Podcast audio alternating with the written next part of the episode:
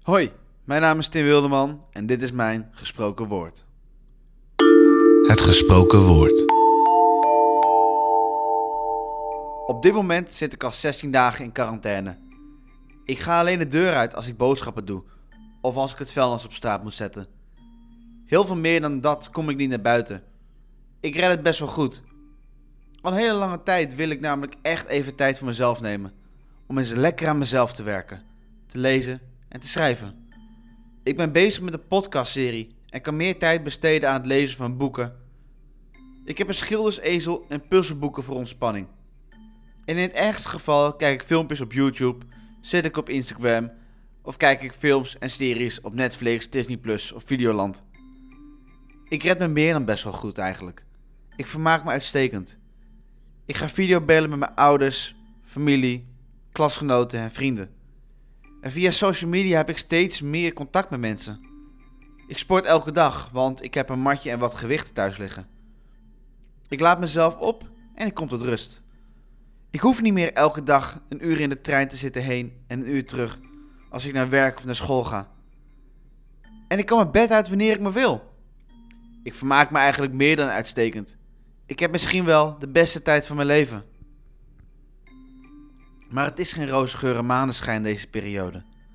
Ik irriteer me dan ook echt aan mensen die op social media laten zien dat ze naar buiten gaan. Dat ze in het park rondlopen. Dat ze in groepjes aan het sporten zijn. Mijn hemel, 1,50 meter. Zo moeilijk is het niet.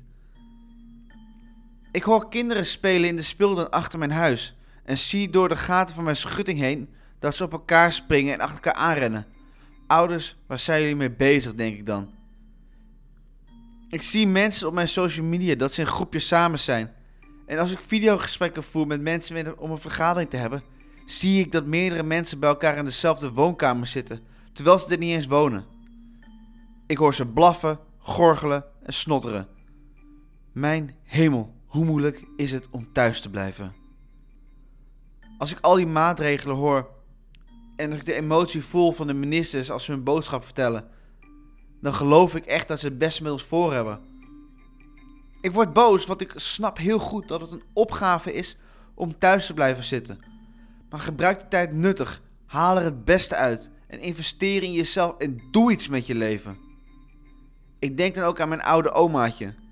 Die kan ik zo goed stilzetten en die wil graag iedereen helpen. Zij is het type die boodschappen doet voor haar 15 jaar jongere buurvrouw, omdat ze denkt dat ze niet naar buiten kan gaan en het echt voor haar moet oplossen. Mijn familie doet inmiddels haar boodschappen.